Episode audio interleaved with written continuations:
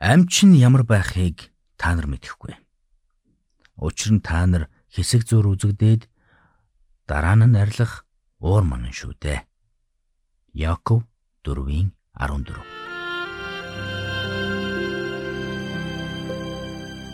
Мэргэний сонсог, мэдлэгийн тэлэг. Ухаалх нь мэрэгэн өдөр төмжийг мөн авах. Доктор Харалт цаалогийн мэрэгэн зөвлөмж нэвтрүүлэг.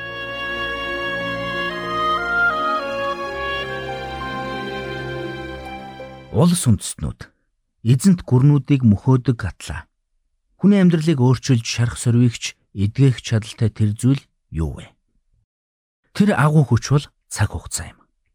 Ямар ч агуу улс гүрэн цаг хугацааны явцад сүр хүч нь бууран уруутан дороотдог болов.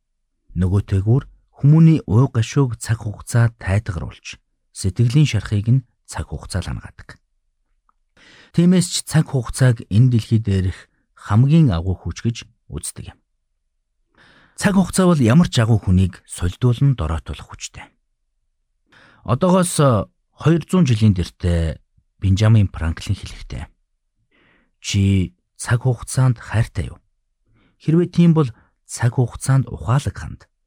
Учир нь амьдрал цаг хугацаанаас бүрддэг юм гэсэн байдаг. Одоогоос 200 жилийн дэртэд амьдарч байсан Бенджамин Франклин хэлэхдээ Чи цаг хугацаанд хайртай юу? Хэрвээ тийм бол цаг хугацаанд ухаалаг ханд. Учир нь амьдрал цаг хугацаанаас бүрддэг юм гэсэн байдаг. Үнэн дээр амьдралд тэгш бус зүйл олон бий. Зарим хүмүүс горц ухаантай төрсэн байхад заримд нь тийм ч хурц ухаан заяадаггүй. Зарим хүмүүс гартаа биер бариад гайхамшигтай уран зураг зурж чаддаг бол зарим нь гаргацтайхан бичиж чаддаггүй. Бидний зарим нь алтан гургалдаа дуулж байгаа юм шиг дуулж чаддаг байхад зарим нь солгоо олоотой байдаг. Зарим хүмүүс хүссэн хоолоо дураараа идээд савх шиг нарийнхан хэвэр байдаг бол зарим нь баг хоол үнэртэх төдийд л жин нэмж байдаг шүү дээ. Гэхдээ бидэнд яг адилхан цаг хугацаа өгдөг. Бидний хүн нэг бүрд илүүчгүй дутуучгүй хоногийн 24 цаг өгөгдсөн. Хэрвээ өглөө бүр таны дансанд 186 мянга 400 доллар ордог бол яах вэ? Тэгээд орой болоход дансан чинь үлдсэн бүх мөнгийг банк сороод авчихдаг бол та яах вэ? Та нэгч доллараар сул алдахгүй тулд орой болохоос өмнө бүх мөнгөө зарцуулна шүү дээ. Тэгвэл цаг хугацаа гэдэг яг л үүнтэй адилхан юм. Өглөө бүр танд 1 сая 186 мянга 400 секунд шинээр өгөгддөг. Та энэ цаг хугацаагаа ашиглах уу эсвэл алдах уу гэдэг нь танаас шалтгаална. Учир нь Өдөр өнгөрөхөд таны ашиглаагүй өнгөрсөн цаг хугацаа бүхэн эргэж ирэхгүйгээр оддөг юм. Цаг хугацаа бидэнд бүтэн өдрөөр эсвэл цагаар ирдэггүй. Харин хорон мөчөөр ирдэг. Цаг хугацааны энэ эмзэг нарийн онцлогийг ойлгож байсан учраас Мосой бурханд хандан.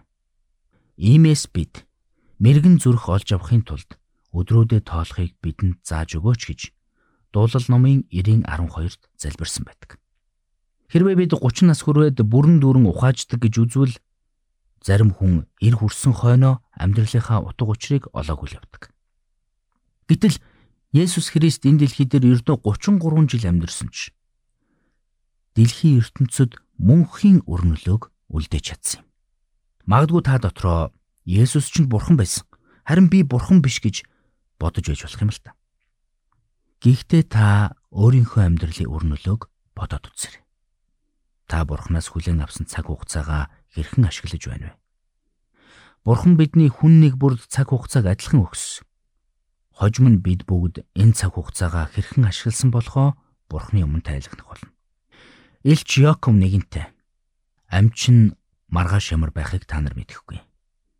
Учир нь та нар хэсэг зур үзэгдээд дараа нь арилах уур манан шүү дээ гэж сануулсан байдаг.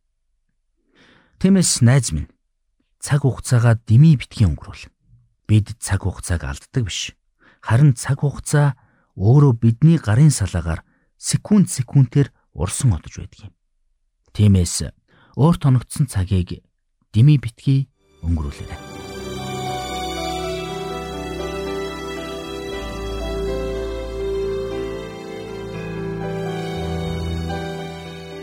Мэргэн нэгнийг дагвал мэргэн, мулгуутай нөхөрлөл хорлол. Доктор Харалт цаалогийн мэрэгэн зөвлөмж нэвтрүүлгийг танд хүргэлээ.